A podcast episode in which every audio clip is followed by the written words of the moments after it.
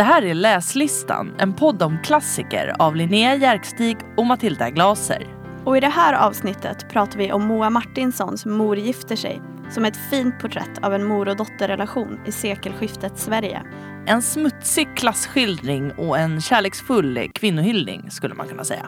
Och så hyllar vi diskbänksrealismen.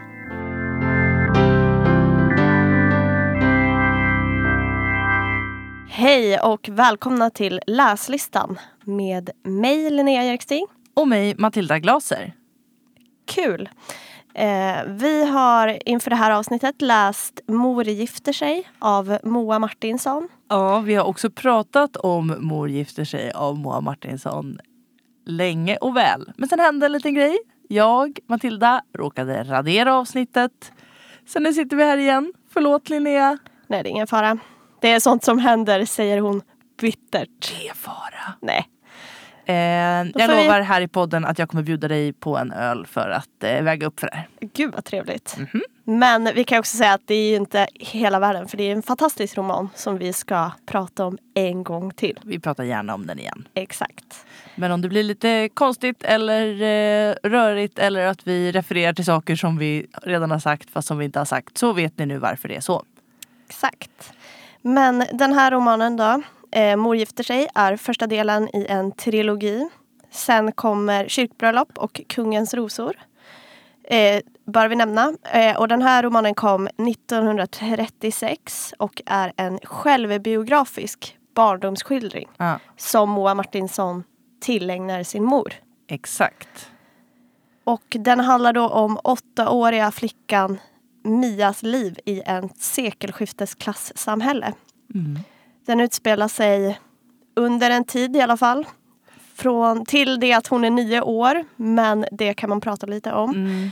Eh, den handlar om att mor gifter sig, alltså Mias mamma, och hon förstår inte riktigt varför hon gör det och varför hon gör det med eh, en man som hon själv tycker är ett riktigt svin. Hon förstår inte vad man ska ha en man till. Hon förstår inte eh, framförallt inte en man som hela tiden gör kvinnan och då hennes mamma är gravid. Ja, Då mamman är gravid lite då och då i boken. alltså hon lever ju verkligen i ett samhälle där männen inte visar sig från sin bästa sida. De ställer mest till besvär och Exakt. bidrar ärligt talat inte med så himla mycket. Nej, inte med någonting alls. Samtidigt som de har hela liksom, samhällets makt i sina händer. Även om ju eh, Mias styvfar ju också är en liksom, arbetarklassman som på många sätt eh, är väldigt motarbetad i samhället. Men Och det är det den här boken handlar om. För Mm. den tar ju Alltså den eh, centrerar kring modern och hennes slit för att hålla svälten borta. De konflikter som uppstår eftersom hennes man inte är där och det hon måste göra för att hon och dottern ska överleva i alla fall. ja men precis. Och sen tar den avstamp också i alla de här uppbrotten som Mia råkar ut för ja exakt. som barn. en kringflyttande tillvaro. Och jag tycker det är spännande. Vi pratar ju alltid om klass i den här podden. Mm. Men eh, här blir ytterligare ett exempel på det. För att det den här boken gör och som Moa Martinsson gör som är verkligen var unikt i hennes tid är att liksom, det här är proletärförfattarnas storhetstid. Eh, men proletärförfattarna var primärt män och skrev ur ett manligt perspektiv. Eh, vilket i sig vände upp och ner på litteraturen eh, som tidigare, där de här rösterna tidigare inte hade hörts på samma sätt. Mm. Men när Moa Martinsson då kliver in på scenen och representerar två tysta röster, både arbetarklassen men också arbetarklassens kvinnor som inte heller fick utrymme i de manliga proletärskildringarna på samma sätt. Eh, det är ett väldigt spännande perspektivskifte i det. Mm. Ja, det tycker jag också. Vi, eh, jag tycker vi eh, vad heter det, ska bara berätta hur boken inleds. Mm. Den inleds med en lång dikt och sen med några meningar som verkligen sammanfattar tematiken i den här boken. Vill du läsa? Jag kan läsa. Jag minns så väl dagen mor gifte sig. Vi bodde båda hos en syster till henne i Norrköping. Det var en fredag. Mor hade ledigt från fabriken. Hon hade på sig en svart klänning som hon lånat av en kamrat. Ty mors ekonomi hade inte riktigt repat sig efter en dyrbar kur hon måste kosta på mig för engelska sjukan. Ja precis, det här vill jag känna Mia och hennes mamma och de andra huvudpersonerna vid den här faktiska bröllopsdagen. Mm. Eh, Och här kommer ju också väldigt mycket om fattigdomen och den här kampen med att hela tiden ha kläder, ha skor, ha mat. Alltså fram väldigt Ja, tydligt. De precis. sätter liksom stämningen redan här för det som komma skall. Precis, och också Mias och Mias mammas position i samhället eftersom att eh, eh, Mia ju är en oäkting.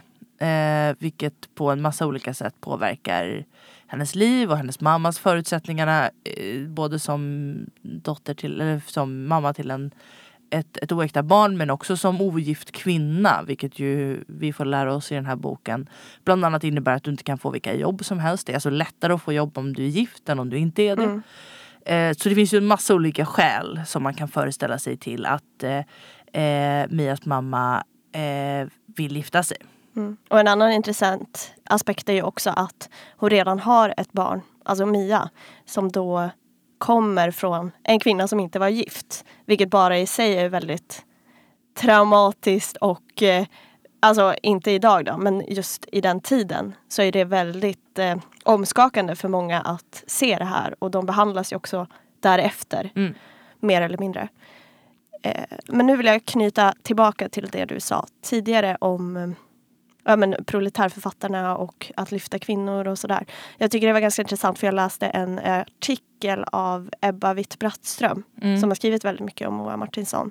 Och hon skriver att genom den här boken så går hon direkt i dialog med sina manliga samtida författare. Ja. Och att det på något sätt är ett svar på deras litteratur där de alltid har skildrat kvinnan som mer eller mindre en sexsymbol. Men här får kvinnan vara en kvinna Ja. och en riktig person. Liksom. Ja precis, här är det ju snarare, det kanske kan ses som en kommentar på det att hon ägnar sig väldigt tid, mycket tid åt att eh, skapa de här väldigt komplexa kvinnliga karaktärerna Mm. men som kanske primärt utstrålar styrka och eh, livskraft och eh, liksom kämpar mot alla odds. Medan männen i sin tur är inte bemödas så mycket tid och eh, ganska, kanske man skulle kunna säga schablonartat eh, Mm.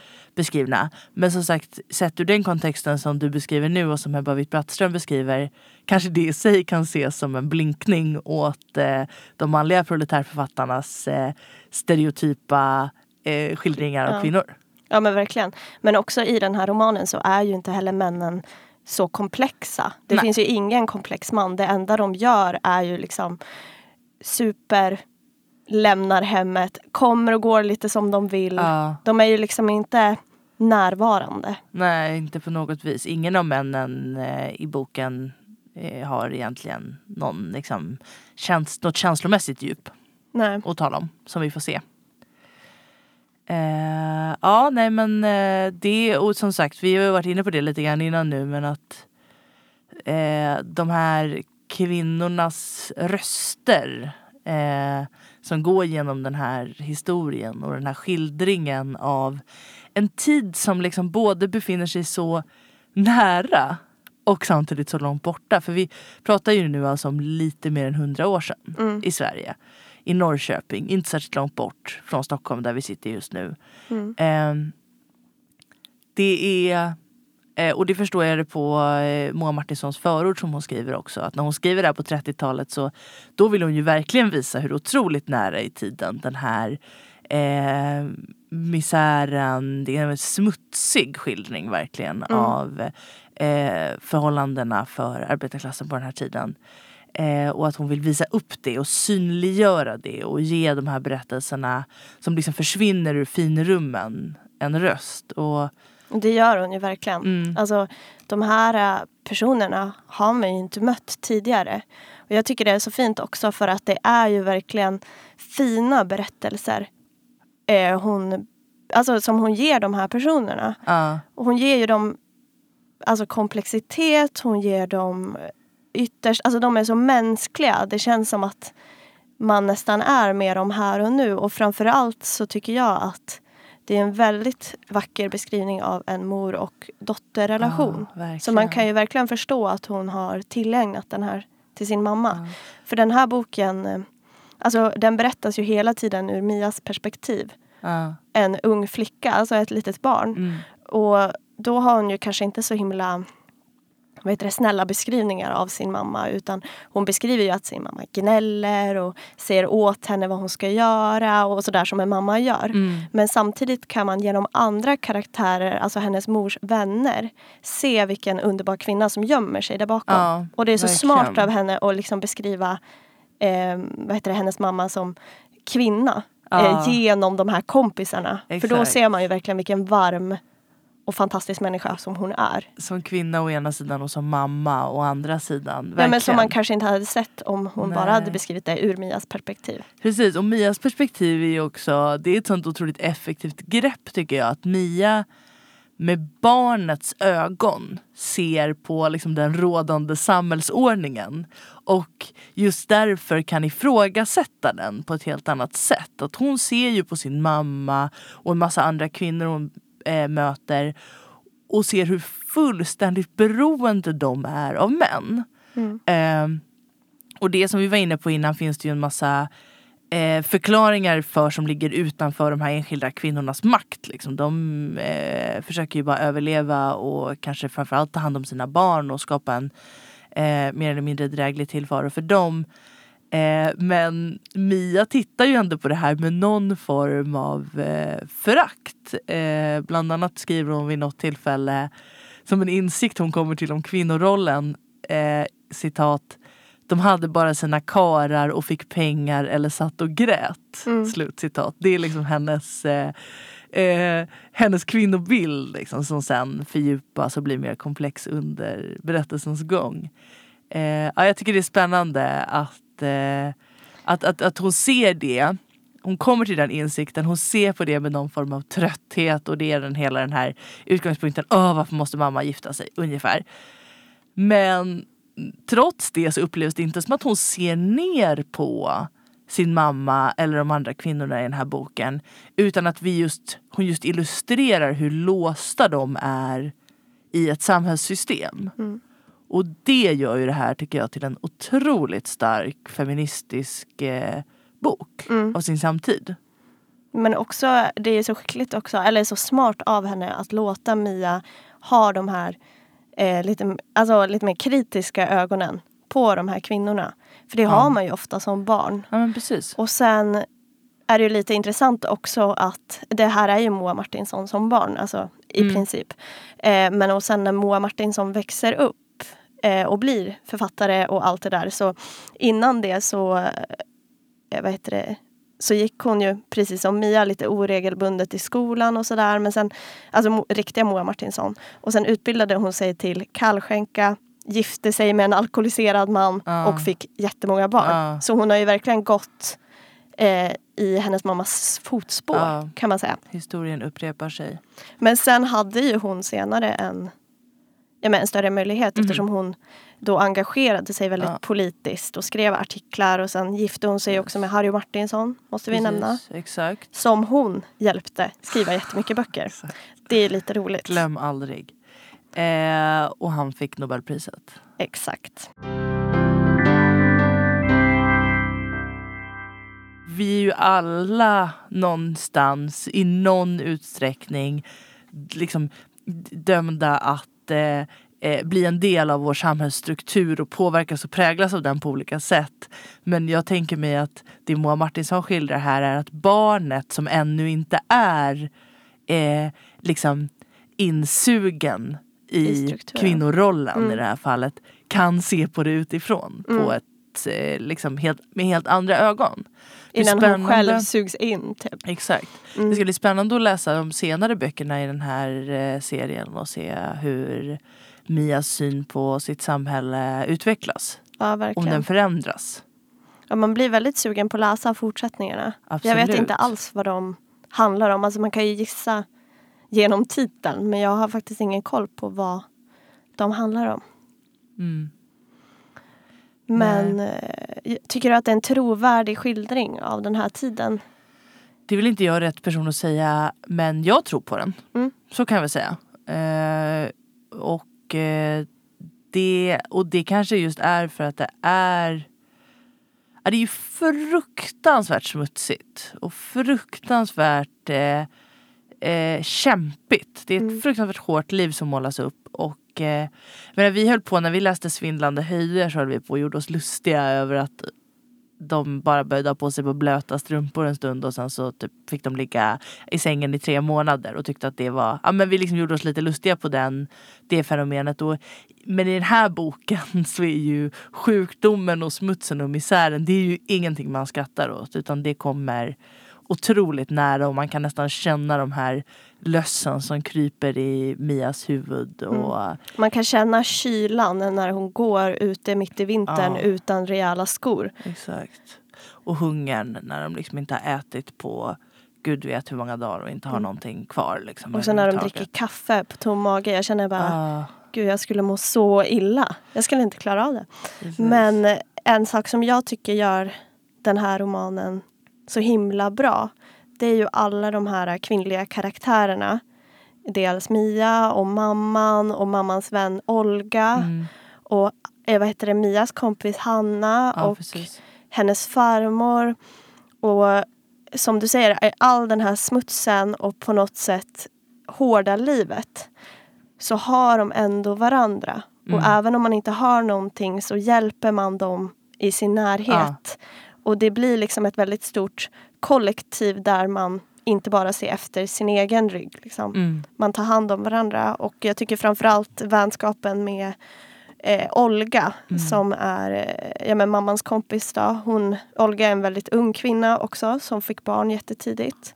Och hon vet inte riktigt hur hon ska ta hand om det här barnet när de möts första gången. precis. Hon är nygift, nybliven mamma. Eh, ja, I en roll som hon inte vet. Öde, liksom. Ja exakt. Och då hjälper Mias mamma henne med allt och visar hur man gör och hur man tar hand om ett barn. Och där byggs ju en väldigt stark jag menar, en väldigt stark relation mellan dem som de har genom i princip resten av romanen. Ett systerskap kan man väl säga. Ja. Eh, ja men precis och den, och den beskrivningen, eller liksom den bilden av eh, Hedvig, Mias mamma som uppstår där.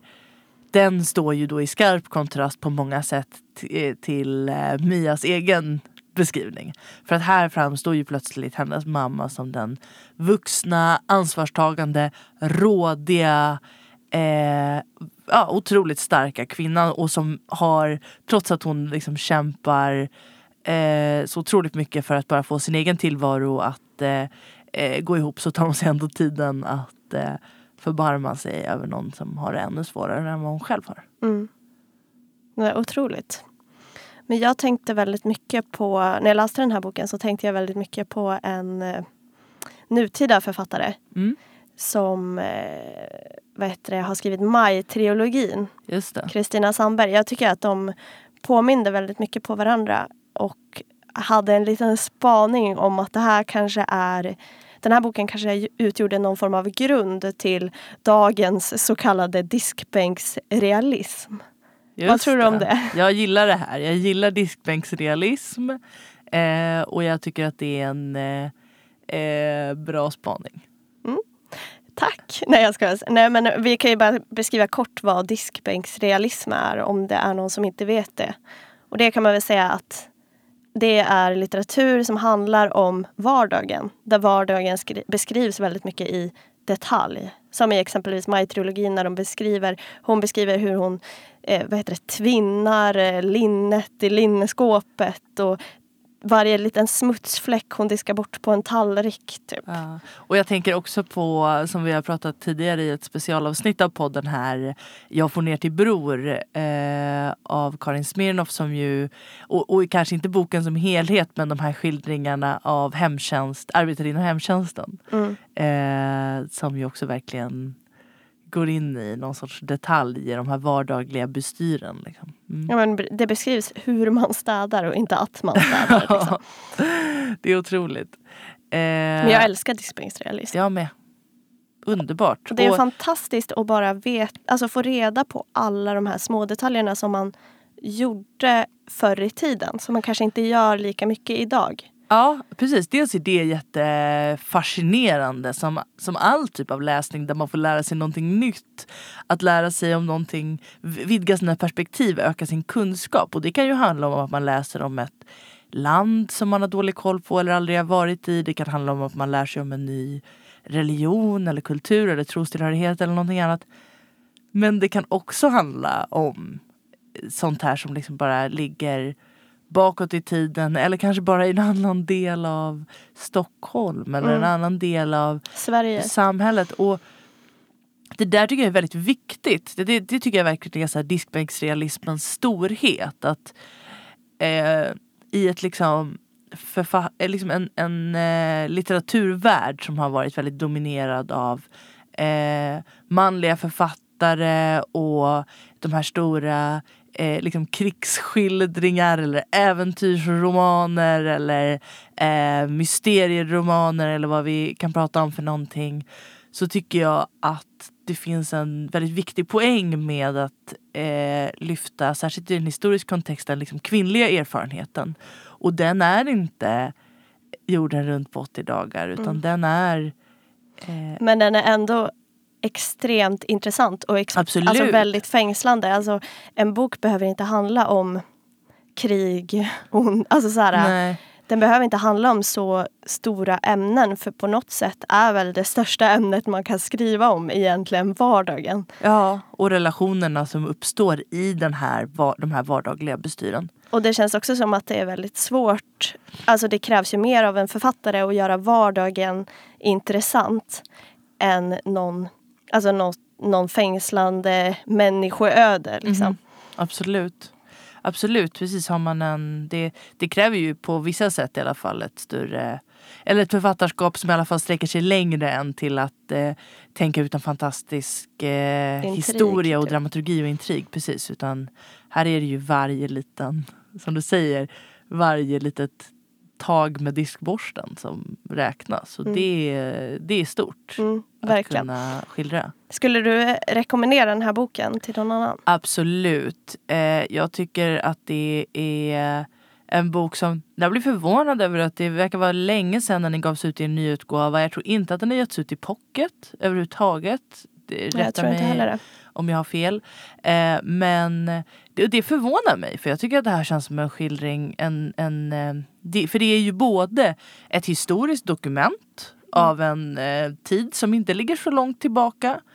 Eh, det är en eh, skildring av en historisk kvinnoskildring och det är också en eh, fantastisk berättelse beskriven ur ett barns ögon vilket gör att jag tänker att det här är något som skulle passa väldigt bra att läsa i skolan till exempel. Mm.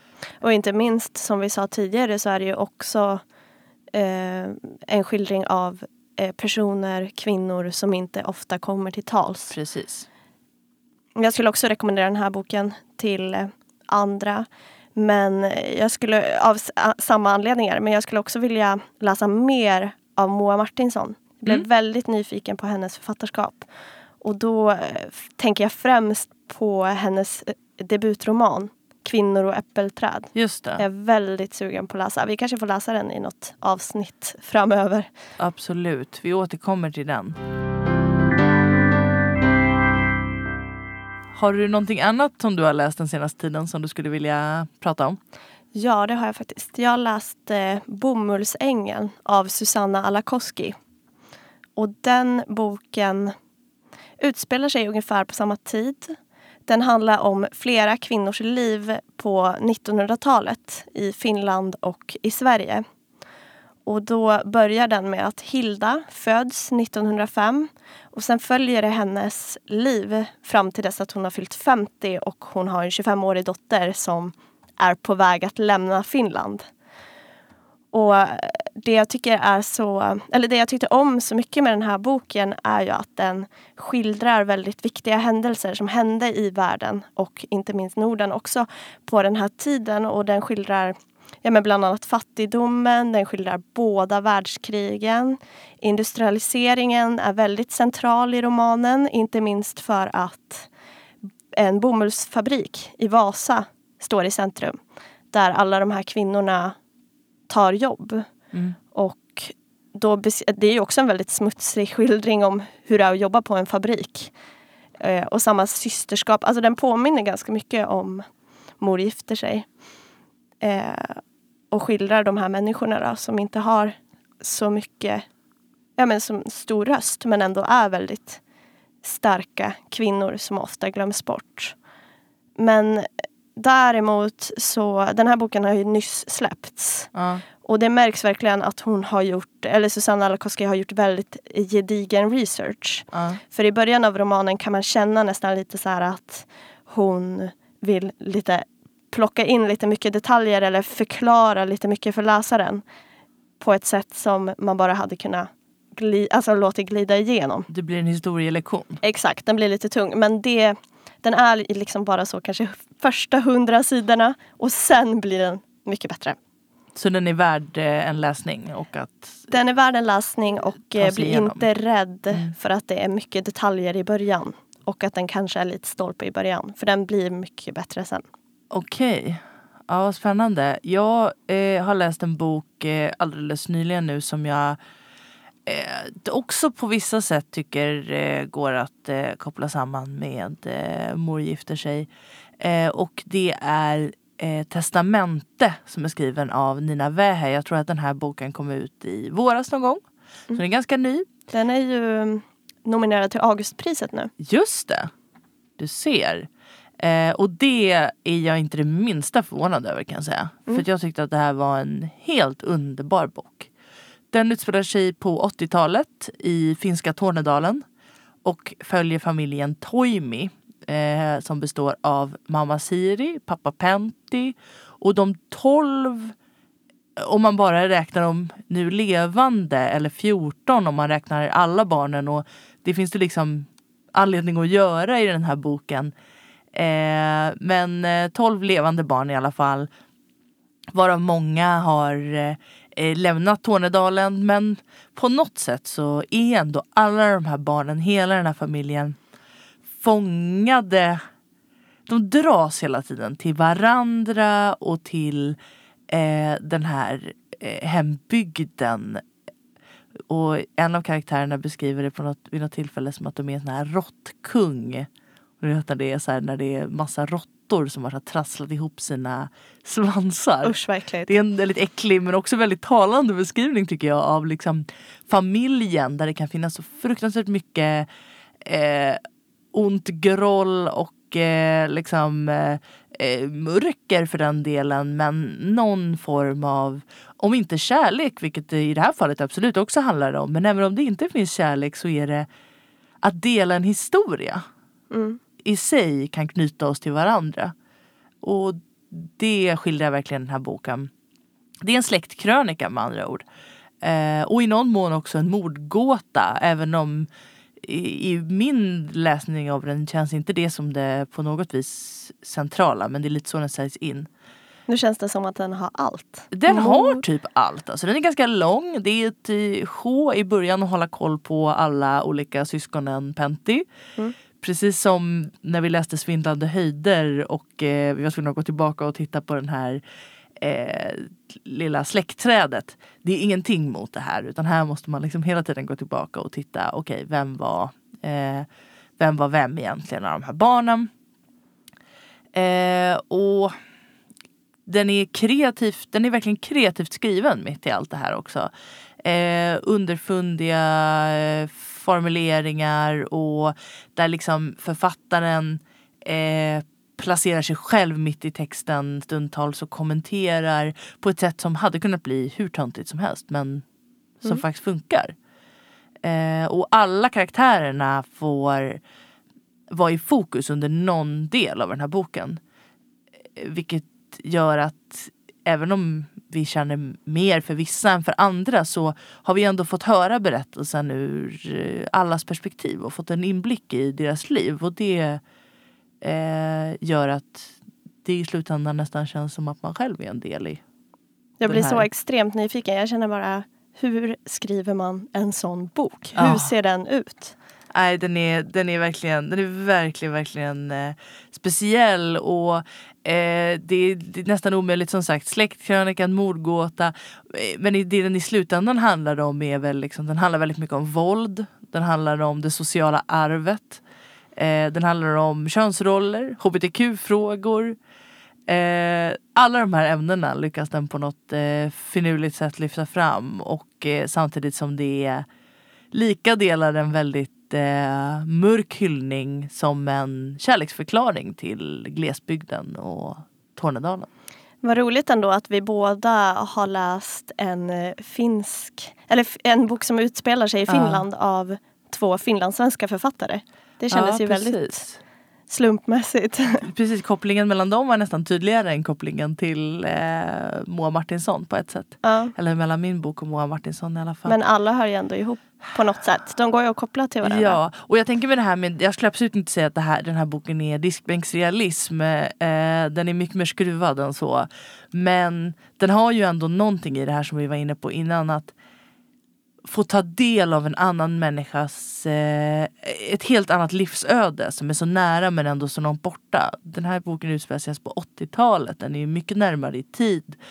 Eh, och förvisso då i Finland men liksom nära eh, Sverige och känns som att det är en fullständigt avlägsen värld för mig som stockholmare uppvuxen på 90-talet för att det är både liksom tiden och geografin där tror jag är, gör att det är två diametralt olika världar och det är både roligt och viktigt för mig att få ta del av det. Mm. Ja, nej, jag skulle inte heller säga att Bomullsängeln är direkt diskbänksrealism utan det är mer en historieskrivning av 1900-talet mm. i princip. Ja, men ska vi säga så? Ja. Kom ihåg att eh, följa oss på Instagram. Podden Läslistan heter vi där och eh, att eh, sätta ett litet betyg på oss i podcaster. Då skulle vi bli mycket glada. Super, super, super glada. Och så vill vi tacka Anton Bäckman som har gjort våran fina jingel. Eh, honom kan ni följa på att konsumretro, alltså som Konsum fast med n och m på ombytta platser. Där kan ni spana in Antons fina retromöbler och andra tjusiga antikviteter som ni definitivt kommer vilja lägga vantarna på. Hej då! Hej då!